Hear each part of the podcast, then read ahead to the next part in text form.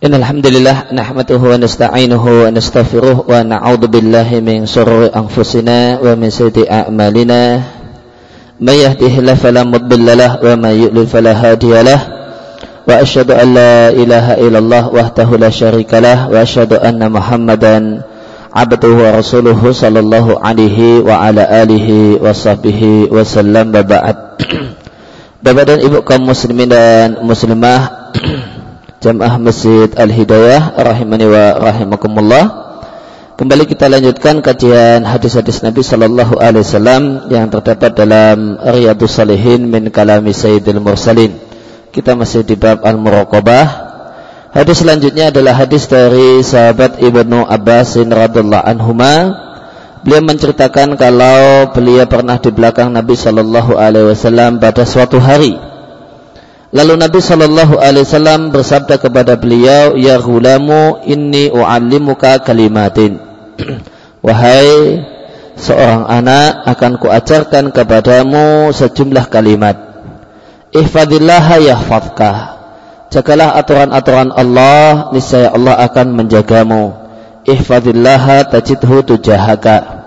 Jagalah aturan-aturan Allah, niscaya engkau akan jumpai Allah itu ada di hadapanmu. Idza sa'alta fas'alillaha wa idza sta'anta fasta'in billahi.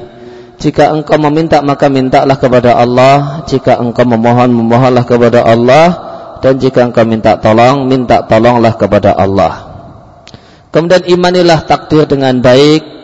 Wa'lam annal ummata law ijtama'at ala ayanfa'uka bi syai'in lam yanfa'uka illa bi syai'in qad kataballahu lak dan ketahuilah bahasanya seandainya seluruh manusia bersepakat untuk memberikan manfaat kepadamu maka mereka tidak akan bisa memberikan kebaikan dan manfaat kepadamu sedikit pun kecuali yang telah Allah gariskan untukmu. Wa in istama'u ayyak ayyak uh, ayyaduruka bi lam yaduruka illa bi syai'in qad katabahu Allahu dan seandainya seluruh manusia bersepakat untuk membahayakanmu, untuk menyusahkanmu, untuk menimpakan bencana dan musibah kepadamu, maka mereka tidak akan memberikan bahaya, menimpakan bahaya kepadamu kecuali bahaya yang memang telah Allah takdirkan akan terjadi pada dirimu. Kenapa? Karena sesungguhnya takdir manusia itu telah selesai Allah catat. Rufi'atil aklam wa jafatis suhuf karena pena-pena takdir itu telah diangkat dan lembaran-lembaran catatan takdir telah kering. Demikian diatkan oleh At-Tirmidzi, Tirmidzi mengatakan hadisun hasanun sahihun. Dalam riwayat selain Tirmidzi terdapat tambahan penjelasan ifadillaha tajidhu amamaka. Jagalah dan perhatikanlah aturan-aturan Allah, maka engkau akan jumpai Allah ada di depanmu Ta'araf ilallahi fi raha ya'rifka fi Kenalkanlah dirimu kepada Allah saat engkau senang. Banyak-banyaklah berdoa kepada Allah saat engkau gembira. Ya'rifka fi Niscaya Allah akan mengenalmu pada saat engkau susah. Niscaya Allah akan mengabulkan doa-doamu yang kau panjatkan saat engkau mendapatkan masalah dan musibah. Wa'lam anna ma akhta'aka lam yakun liyusibaka. Dan sadarilah bahasanya yang Allah takdirkan tidak akan terjadi pada dirimu maka tidak akan terjadi. Wa ma asabaka lam yakun liyukhti'aka dan ketahuilah dan sadarilah apa yang Allah takdirkan untuk terjadi menimpamu pasti akan terjadi. Wa'lam anna sabra eh, wa'lam anna nasra ma'a sabri dan ketahuilah bahasanya kemenangan itu bersama kesabaran wa annal faraja ma'al karbi. Dan bahasanya kabar gembira itu bersamaan dengan kesusahan. Wa anna man usri yusra. Dan bersama kesusahan itu akan dijumpai dan akan didapatkan kemudahan. E, penjelasannya maka satu hari sahabat Ibnu Abbas ini berkendaraan boleh jadi naik onta atau yang lain dalam posisi dibonceng oleh Nabi Shallallahu Alaihi Wasallam berada di belakang Nabi. Lalu Nabi mengajarkan kepadanya sejumlah kalimat-kalimat yang tadi telah kita baca. Maka Nabi memanggil Ibnu Abbas dengan mengatakan wahai anak, karena Ibnu Abbas radhiallahu anhuma itu masih belia Karena Nabi Shallallahu Alaihi Wasallam ketika Nabi wafat, maka Ibnu Abbas ini baru saja baru saja balik atau hampir balik, yaitu berumur 15 sampai 16 tahun atau kurang dari itu. Tentu yang dimaksud dengan 15 tahun di sini 15 tahun berdasarkan kalender Hijriyah. Maka beliau dibonceng dalam sehingga berkendaraan di belakang Rasulullah Sallallahu Alaihi Wasallam. Lalu Nabi Sallallahu Alaihi Wasallam menunjukkan kepada beliau panggilan ini, jagalah Allah, jagalah aturan-aturan Allah, niscaya Allah akan menjagamu. Maka pesan Nabi ini adalah pesan yang sangat-sangat penting dan sangat-sangat agung. Menjaga Allah Subhanahu wa taala artinya memperhatikan syariat dan agama Allah Subhanahu wa taala dengan pengertian menjalankan apa yang Allah perintahkan dan menjaga apa yang Allah larang. Dan per, uh, dan menjaga aturan Allah artinya belajar agama, belajar aturan-aturan Islam, aturan-aturan yang ada dalam syariat Islam, syariat Allah Subhanahu wa taala. Ya, belajar yang dengan belajar tersebut maka kita bisa beribadah dengan baik dan melakukan hubungan sosial, jual beli, sewa menyewa dengan baik. Karena jika orang itu tidak belajar maka dia tidak akan bisa beribadah dengan baik. Jika orang itu tidak belajar agama tidak mungkin dia bisa berwudu dengan benar, cebok dengan benar, istinja dengan benar, sholat dengan benar. Jika orang itu tidak belajar, maka ya sholatnya itu cuma kira-kira seperti ini benar. Kayak-kayaknya sudah wangon, ya, sudah pantas untuk disebut sholat. Itu kalau tidak belajar. Kalau orang tidak belajar, bagaimanakah berwudu? Ya berwudunya itu ya, ya kayak kayaknya sudah pantas ini disebut wudu. Ya. Betul, udah pantas, ya kayak kayaknya. Nah, itu orang yang tidak belajar. Dan kalau orang itu belajar ya, dengan berbagai macam cara belajar, boleh jadi di pengajian, boleh jadi uh, dengan mendengarkan rekaman, boleh jadi dengan baca buku, boleh jadi dengan nonton video yang menjelaskan tentang hal-hal tadi, maka dia ngerti. Demikian juga dengan belajar maka itu akan menegakkan muamalah. Maka orang itu akan melakukan hubungan sosial dengan baik dan benar. Orang akan tahu Eh, manakah jual beli yang terlarang, mana jual beli yang haram, mana jual beli yang tidak sah, dan mana jual beli yang sah. Bagaimanakah sewa menyewa yang benar dalam aturan Islam? Ya, maka dia akan, maka ini akan diketahui jika orang itu belajar. Jika orang itu tidak belajar, maka dia akan kira halal padahal haram. Maka orang tidak akan, maka orang yang tidak belajar tidak akan ngerti mana hadiah yang halal dan ada hadiah yang haram. Ya, mana yang halal, mana hadiah yang halal, mana hadiah yang haram. Jika tidak belajar maka tidak ngerti. Ya, mana hadiah yang itu statusnya suap, ya, mana hadiah yang itu adalah hadiah yang halal. Orang butuh belajar. Ya, orang butuh belajar agama untuk kenal hal ini. Jika tidak belajar, maka bisa dipastikan dia akan merasa menerima hadiah yang halal, padahal yang dia terima adalah suap yang haram. Maka jika seorang itu menjaga Allah, menjaga aturan Allah, maka di antara tindakan nyatanya dia ada, dia punya semangat untuk belajar agama dengan berbagai macam wasilah, berbagai macam sarana yang memungkinkan. Dan di antara bentuk menjaga Allah, menjaga agama Allah adalah tada'ubihi ilallahi azza wajal, berupaya untuk berbagi ilmu. Berupaya untuk mendakwahkan apa yang telah kita ketahui kita bagikan kepada yang lain. Ada semangat untuk berbagi pengetahuan Liana kula hada min hifdillah maka ini semua adalah bentuk menjaga agama Allah Subhanahu wa taala. Ya, kan? Yang dimaksud dengan menjaga Allah adalah menjaga agama Allah karena Allah Subhanahu wa taala tidaklah membutuhkan penjagaan siapa pun. Sehingga yang dimaksud dengan menjaga Allah adalah menjaga agama dan syariat Allah. Sebagaimana firman Allah Ta'ala, Wahai orang-orang yang beriman, intang sullaha yang surkum. Jika kalian menolong Allah, Allah akan menolong kalian. Yang dimaksud dengan menolong Allah bukanlah Allah membutuhkan pertolongan dan pembelaan makhluk, namun yang dimaksudkan adalah menolong dan membela agama Allah Subhanahu wa taala. Maka yang dimaksud oleh ayat e, surat Muhammad ayat yang ketujuh bukanlah yang dimaksudkan menolong Allah karena Allah Ta'ala tidak membutuhkan pertolongan siapa pun namun yang dimaksudkan adalah menolong dan membela agama Allah oleh karena itu Allah katakan dalam ayat yang lain dzalika walau yasha'ullahu lantasara minhum seandainya Allah berkehendak niscaya Muhammad atau dia itu akan menang menghadapi mereka. Karena manusia tidak bisa membuat Allah berdaya dan tidak berkutik.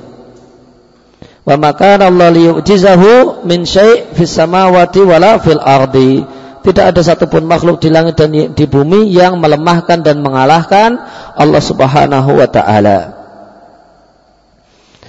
Jika demikian maka jagalah agama Allah niscaya Allah akan menjagamu maka kalimat ini menunjukkan jika jika seorang itu semakin bersungguh-sungguh menjaga agama Allah, maka Allah semakin akan sempurna dalam menjaga dirinya.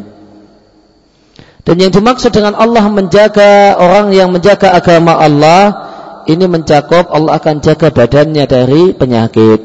Allah akan jaga hartanya dari kehancuran. Allah akan jaga keluarganya, demikian juga Allah akan jaga agamanya sehingga dia mati dalam keadaan husnul khatimah. Ya, karena orang yang husnul khatimah adalah hanyalah orang yang Allah jaga. Ya, yang Allah jaga dan Allah lindungi.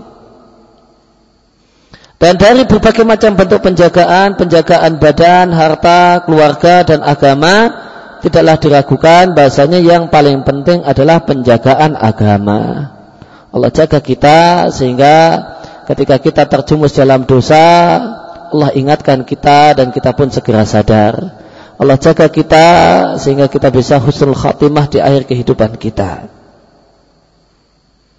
maka yang paling penting adalah Allah menjaga agama agama kita dengan Allah selamatkan kita dari kesesatan dan kesesatan. Karena jika seorang itu semakin ihtada bersungguh-sungguh beramal maka Allah Subhanahu wa taala akan tambahkan ilmu dan hidayah kepadanya. Walladzina tadau zadahum huda wa atahum taqwahum. Dan orang yang mengamalkan apa yang Allah ajarkan Allah akan berikan mereka tambahan petunjuk dan Allah akan berikan kepada mereka takwa wa kullama dhalla wal billah dan setiap jika seorang itu semakin tersesat maka tentu akan semakin bertambahlah kebingungan dan kesesatannya.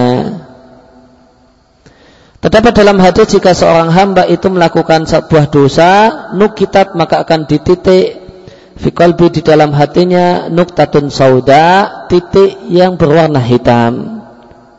Fa inna za'a jika setelah dia berbuat maksiat, dia menghentikan maksiatnya dan uh, istighfar mohon ampun kepada Allah dengan lisan wataba dan bertaubat sukila qalbuhu maka hatinya kemudian dimengkilapkan lagi namun jika dia malah berlanjut dengan dosa yang kedua maka akan bertambahlah titik yang kedua, ketiga dan keempat. Hatta yutba ala qalbihi sehingga titik hitam tersebut menutupi seluruh hatinya. Nas'alullah al-afiyah.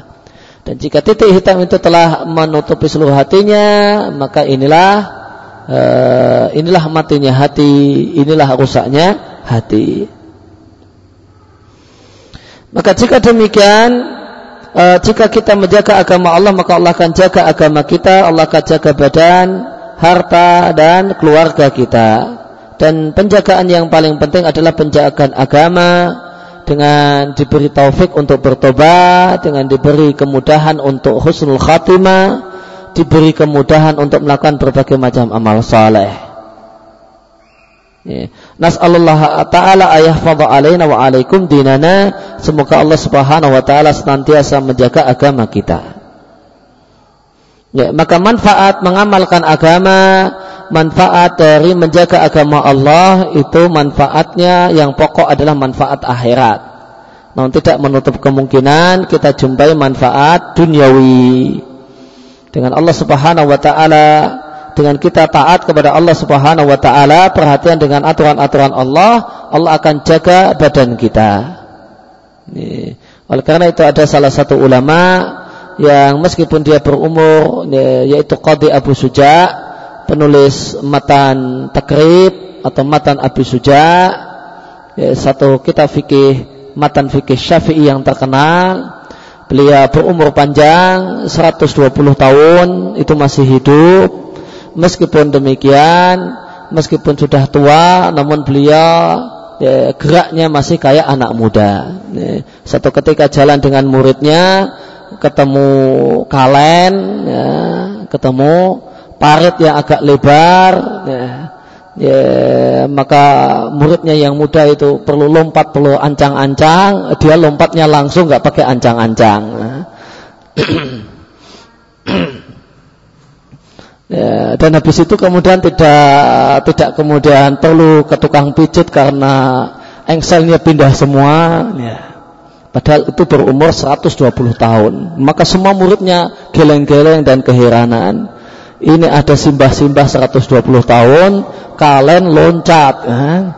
E, padahal harusnya jalannya timik-timik, pelan-pelan, mau nggak kalian saja, nggak ketemu parit saja harusnya jalannya pelan-pelan. Nah ini simbah-simbah 120 tahun, itu ada parit lebar, loncat, nggak cari jembatan mana, nggak nggak mau repot-repot cari jembatan, udah loncat saja, nah, ya loncat. Maka muridnya pun keheranan dan bertanya, wahai guru kami, ya, apa rahasianya, apa resepnya, apa kiatnya? Sudah seumur sekian ini kok masih energik, ngungkuli yang muda-muda. Nah, ya, malah lebih sehat daripada yang muda-muda. Yang muda-muda harus mikir-mikir, ancang-ancang dan sebagainya. Nah, ini, ini, ini biasa saja. Maka beliau mengatakan sungguh Allah uh, sungguh uh, dulu kami jaga badan kami ini dengan ketika pas muda dari berbagai macam maksiat. Tempat maksiat dan perbuatan maksiat dan Allah jaga badan kami ketika kami tua. Maka ihfadillah yahfadka. Maka jagalah aturan Allah Subhanahu wa taala beliau katakan saat muda, saat remaja, tidak neko-neko. Kami jaga diri kami, mata kami, tangan kami, kaki kami dari hal yang buruk.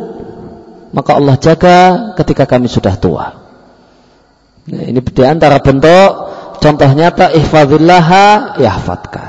Jagalah Allah Subhanahu wa taala, maka Allah Subhanahu wa taala akan menjagamu. Demikian juga jagalah Allah Subhanahu wa taala, Allah akan jaga agamamu. Allah jaga Allah akan jaga hartamu. Ya, dan di antara bentuk menjaga menjaga agama Allah, menjaga aturan Allah adalah mengamalkan tentu mengamalkan uh, segala hal yang dituntunkan oleh Allah dan Rasulnya. Hmm. Dan di antara hal yang dituntunkan oleh Allah dan Rasulnya ketika kita safar, kita dituntunkan untuk membaca doa hendak safar.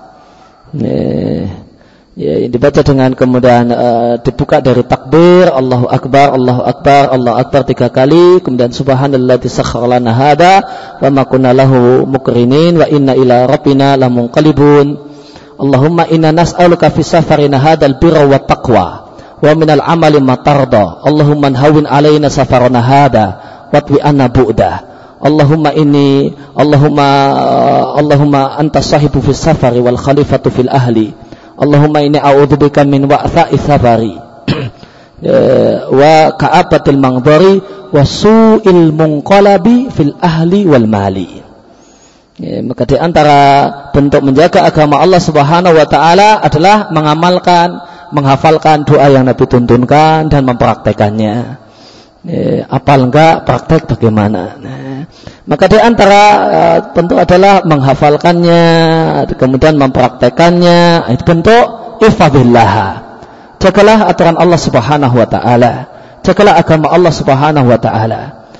Maka di antaranya doa safar kita amalkan uh, yang Nabi tuntunkan dan di antara yang Nabi tuntunkan adalah kita berdoa ya Allah sesungguhnya aku berlindung kepadamu.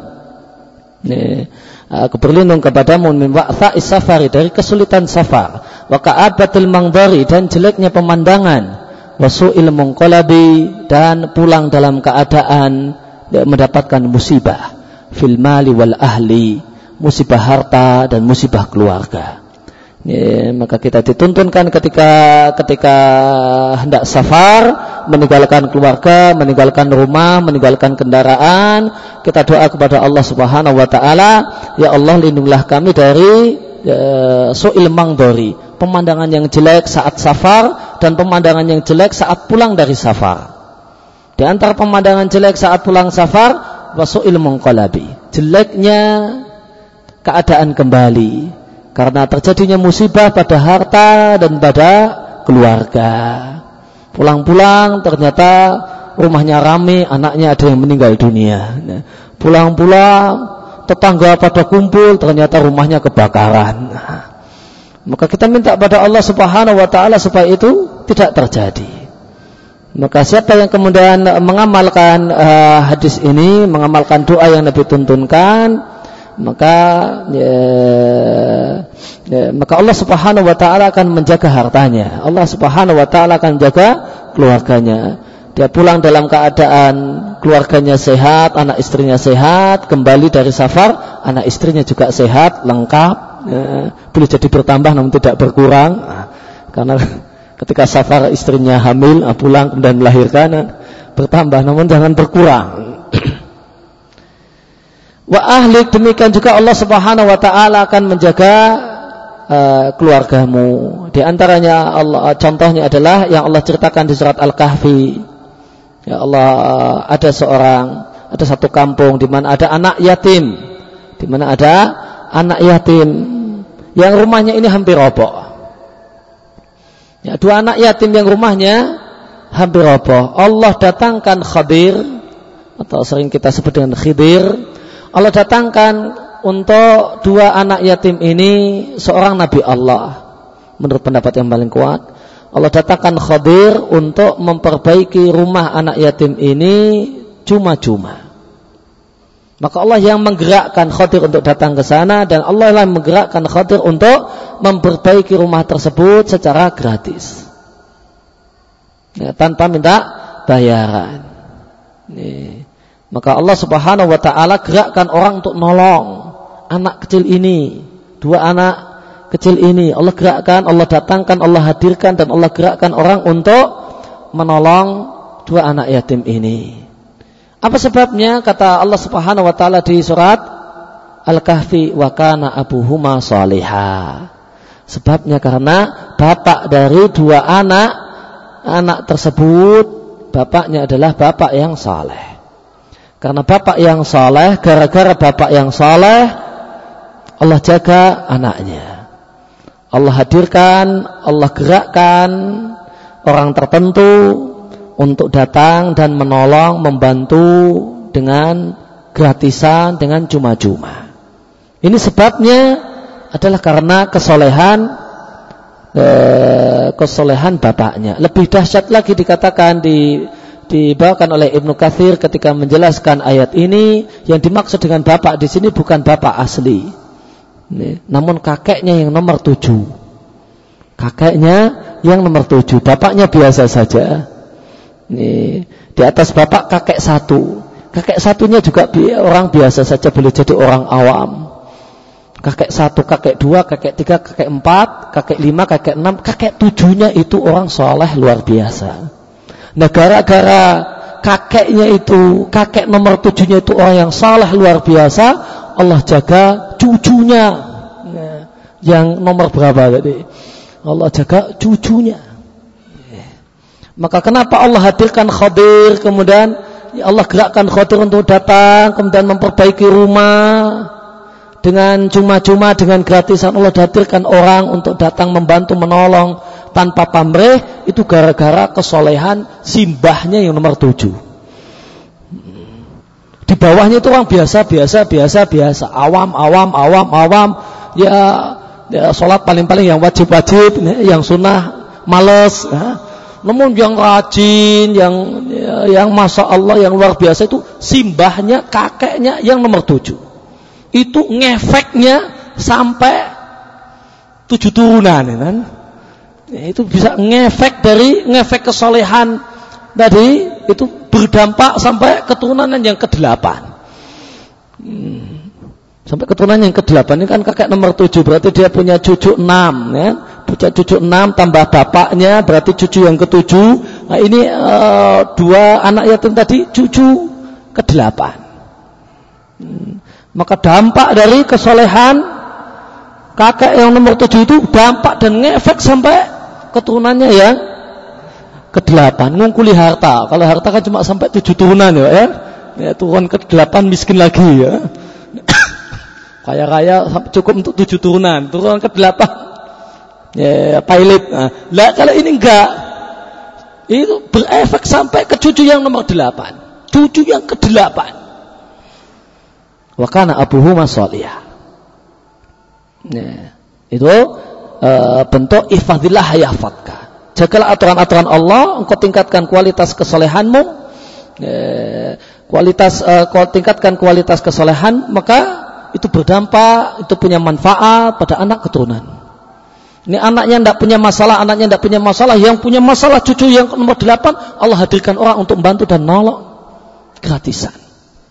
Oleh karena itu maka kebiasaan banyak para ulama salaf terdahulu, para sahabat, para tabiin itu jika punya punya anak, punya momongan itu eh, kualitas ibadahnya, kuantitas ibadahnya lebih meningkat daripada pas bujangan.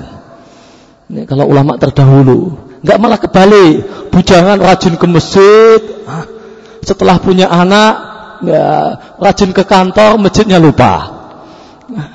Masjidnya lupa. Nah, para ulama kebiasaan para ulama terdahulu sebagaimana yang diceritakan oleh Al Hafidh Ibnu Rajab Al Hambali di Jami' Ulum wal Hikam ketika menjelaskan hadis ifadillah yahfadka kebiasaan para ulama terdahulu setelah punya momongan setelah nikah kemudian punya anak itu kualitas ibadahnya itu mempengnya beribadah melebihi masa bujangannya. Melebihi masa bujangannya. Itu praktek para ulama terdahulu dalam rangka mengamalkan hadis ihfadillah yahfadka. Jagalah aturan-aturan Allah Subhanahu wa taala, Allah Subhanahu wa taala akan menjagamu, menjaga anak keturunanmu. maka di antara uh, sebab anak nakal itu bapaknya beling dengan Allah Subhanahu wa taala. Karena bapaknya nakal dengan aturan-aturan Allah Subhanahu wa taala, bermaksiat, ya, tidak tertib sholatnya, itu Allah kirimkan anak yang nakal. Di antara sebab anak nakal. Di antara sebab anak nakal, anak beling, anak memalukan orang tua, itu karena ya, ya, karena maksiat orang tuanya kepada Allah Subhanahu wa taala. Ya, karena durhakannya si orang tua, ayah dan ibunya kepada Allah Subhanahu wa taala. Boleh juga kalau dari sudut pandang agama antara sebab anak nakal, cucu nakal itu karena makanan haram yang diberikan kepada anak dan cucu. Maka itu bisa berdampak anak nakal, anak beling, memalukan orang tua, memalukan keluarga. Sebabnya adalah karena dimakani dengan makanan yang haram.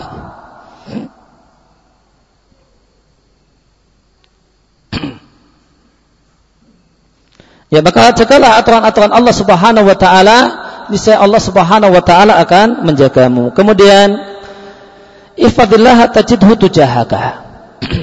Jagalah aturan-aturan Allah Subhanahu wa taala, niscaya Allah akan engkau akan jumpai Allah ada di hadapanmu. Dalam lafaz yang lain di luar Tirmizi tajidhu amam. Maka engkau jumpai Allah Subhanahu wa taala ada di hadapanmu. Maka jagalah Allah yaitu jagalah aturan syariat Allah Subhanahu wa taala dengan melaksanakan perintahnya menjauhi larangannya tajidhu tujahaka wa amamaka. Maka engkau akan jumpai Allah ada di hadapanmu dan di hadapanmu dan makna tujahaka dan amamaka itu maknanya sama. Artinya engkau akan jumpai Allah di hadapanmu akan berikan petunjuk kepadamu menujukimu segala kebaikan dan membelamu dari dan membelamu dari segala kejelekan. Lebih-lebih lagi jika kita menjaga aturan Allah Subhanahu wa taala diiringi dengan minta tolong kepada Allah. Karena jika seorang itu minta tolong kepada Allah dan tawakal kepada Allah, maka Allah akan mencukupinya. Dan siapa saja yang Allah cukupi, maka dia tidak akan membutuhkan siapa pun setelah perlindungan dan bantuan Allah Subhanahu wa taala. Ya ayuhan Nabi hasbukallahu wa man ittaba'aka minal mu'minin. Wahai Nabi, cukup bagimu dan orang-orang yang beriman yang mengikutimu bantuan Allah Subhanahu wa taala, perlindungan Allah Subhanahu wa taala. Maka Allah itu mencukupimu dan mencukupi orang-orang yang beriman yang mengikutimu. Wa yuridu ayakhtauka fa inna fa inna hasbakallah. Jika mereka ingin mengkhianatimu maka ketahuilah bahasanya cukuplah Allah bagimu. Cukuplah Allah sebagai pelindungmu.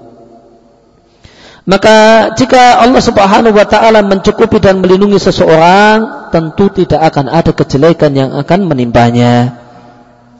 Oleh karena itu Nabi katakan, jagalah aturan-aturan Allah, maka engkau akan jumpai Allah ada di hadapanmu. Dan yang dimaksud dengan menjaga Allah adalah menjaga syariat Allah, tapi lebih lagi diiringi dengan bertawakal kepada Allah dan minta tolong kepada Allah Subhanahu wa taala. Kemudian lanjutannya hadis jika engkau memohon maka memohonlah kepada Allah. Maka janganlah bersandar kepada satupun makhluk. Maka jika engkau meminta dan memohon mintalah kepada Allah.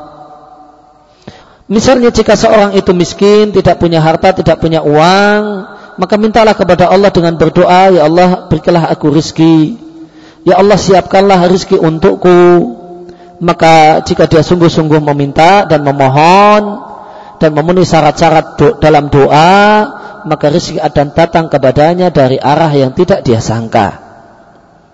Adapun jika seandainya orang tadi malah ngemis minta-minta pada orang maka boleh jadi orang yang dimintai itu memberi boleh jadi tidak memberi oleh karena itu terdapat dalam satu hadis Nabi Shallallahu Alaihi Wasallam mengatakan, sungguh jika salah satu kalian mengambil tali, lalu kemudian dia mencari kayu bakar, kemudian dia letakkan kayu bakar yang telah dia dapatkan di hutan tadi, kemudian dia letakkan di punggungnya, dan dia pergi ke pasar untuk menjual, untuk menjual kayu bakar tadi, khairun lahu, maka itu lebih baik baginya daripada dia datangi manusia. Dia datangi orang dan dia ngemis-ngemis dan minta-minta kepadanya. Yang mana kalau kita mana kalau ada orang yang minta-minta uh, seorang itu minta-minta pada orang lain, maka orang yang dimintai boleh jadi memberi dan boleh jadi tidak memberi.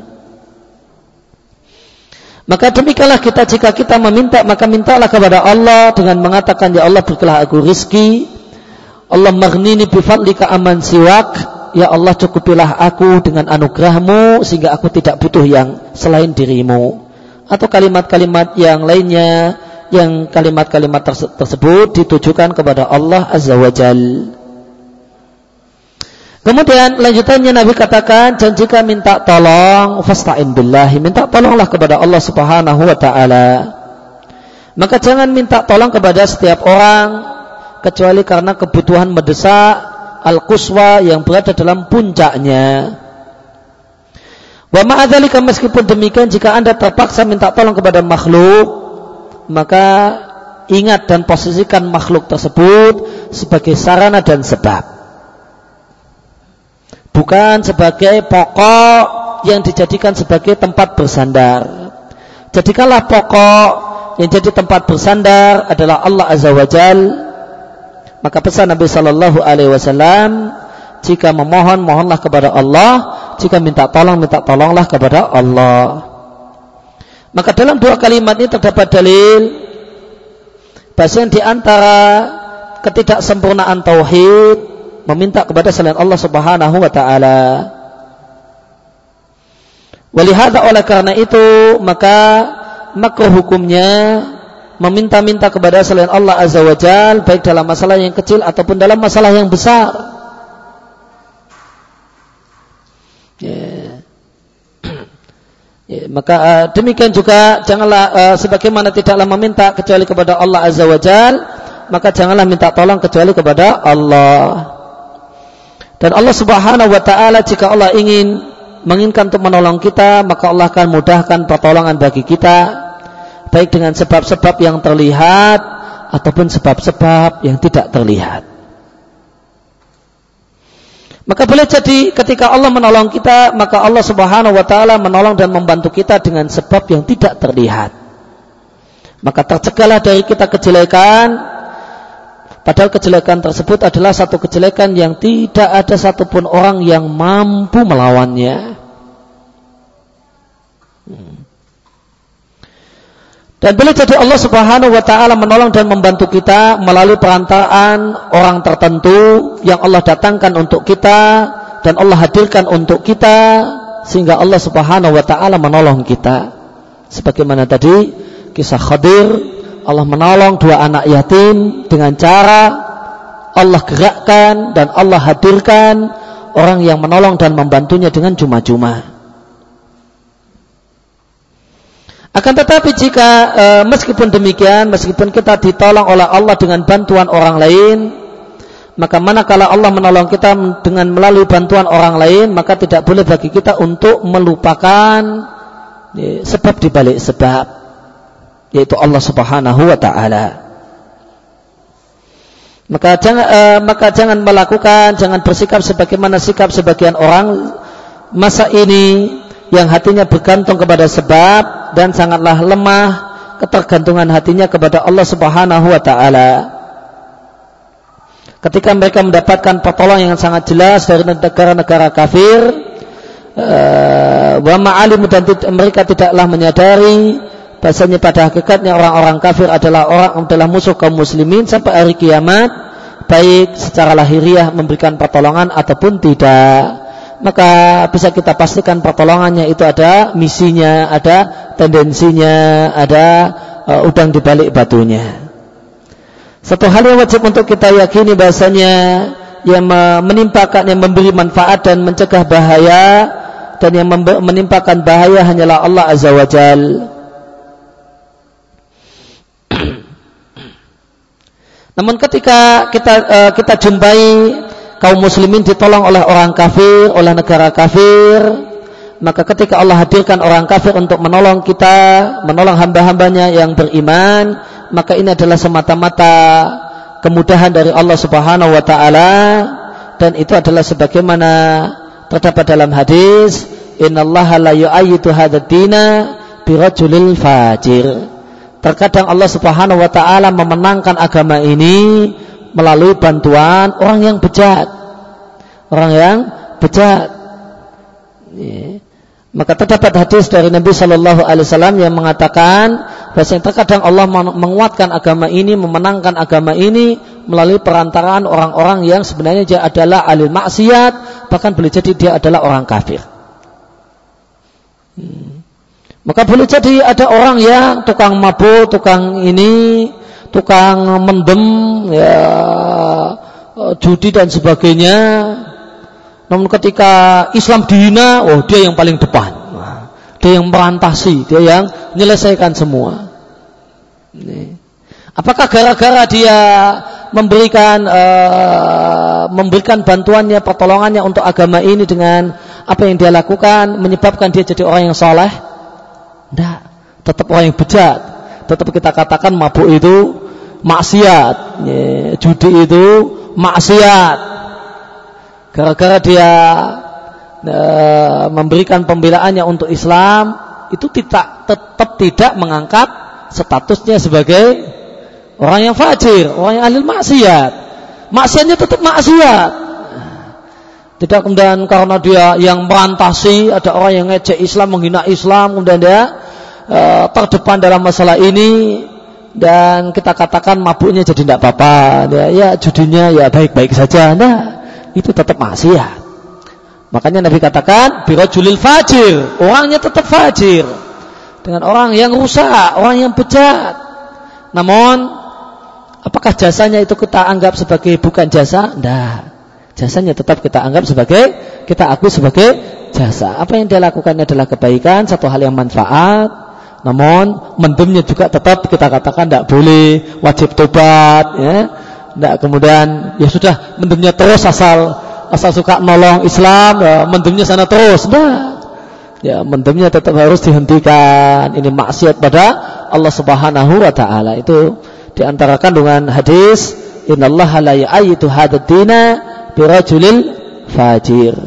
Maka Allah Subhanahu wa taala menguatkan agama ini dengan tindakan orang yang rusak. Maka boleh jadi kita tambah saudara kita tambah saudara, ya, boleh jadi saudara sehingga kita punya tambahan saudara seorang muslimah, misalnya. Namun gara -gara, eh, kenapa dia masuk Islam? Gara-gara dipacari seorang muslim kan? Akhirnya masuk Islam. Kita punya tambahan saudara gara-gara dipacari laki-laki muslim. Apa pacaran yang menghasilkan hidayah semacam ini kita benarkan? Tidak, tetap tidak benar. Nah, tetap tidak benar malu itu kan nambah saudara itu kan meneguhkan agama kemudian uh, tambah tenaga tambah SDM untuk Islam dan kaum muslimin ya, ya pacaran uh, semacam ini tetap tidak kita benarkan namun apakah hidayah yang menjadi yang datang karena sebab perbuatan maksiat ini kita anggap sebagai bukan hidayah wong, wong memang ternyata masuk Islamnya juga memang betul-betul tulus Ya, bukannya sekedar karena mau nikah, memang memang tulus tulus berislam, namun sebabnya itu pacaran. Ya, maka ya pacarannya tetap maksiat dan hidayahnya tetap hidayah. Loh, kok bisa dari pacaran yang maksiat menghasilkan hidayah? Ya, maka jawabannya itu tidak aneh. Dalilnya hadis Nabi Shallallahu Alaihi Wasallam, Inna Allah la yu'ayyidu hadadina birajulil fajir. Hmm. Sehingga Allah Subhanahu wa taala menolong dan memenangkan dan menguatkan agama ini dengan perbuatan orang yang fajir. Maka boleh jadi maksiat menghasilkan hidayah. Itu tidak itu tidak menutup kemungkinan pacaran menghasilkan hidayah masuk Islam. Itu tidak menutup kemungkinan. Namun gara-gara menghasilkan hidayah tidak berarti kita uh, kemudian melegalkan pacaran kemudian uh, kemudian malah kemudian mendakwahkannya. Silahkan dipacari, namun asal uh, nanti pada masuk Islam tidak demikian. Tidak demikian. Dan ketika ini satu hal yang nggak wajar dari perbuatan yang jelek kok menghasilkan kebaikan yang besar, manfaat yang besar. Ya, ini kan tidak normal. Ya, apakah ini satu hal yang kemudian hidayahnya betul-betul hidayah dan kebaikannya betul-betul kebaikan? Kita katakan itu betul-betul hidayah. Jika memang orangnya kemudian betul-betul mendapatkan hidayah. Dan itu nggak usah kaget, nggak usah bingung, eh, nggak usah kemudian tercengang. Itu sudah ada dalilnya. Sudah ada dalilnya. Innallaha la yu'ayyidu hadatina birajulil fajir. Terkadang Allah Subhanahu wa taala memenangkan agama ini, menguatkan agama ini birajulil fajir dengan tindakan sebagian kaum muslimin yang sebenarnya dia adalah orang yang fajir dengan perbuatannya, orang yang bejat dan rusak dengan kelakuannya. Ya demikian yang kita baca kesempatan malam hari ini. Ala nabiyina Muhammadin wa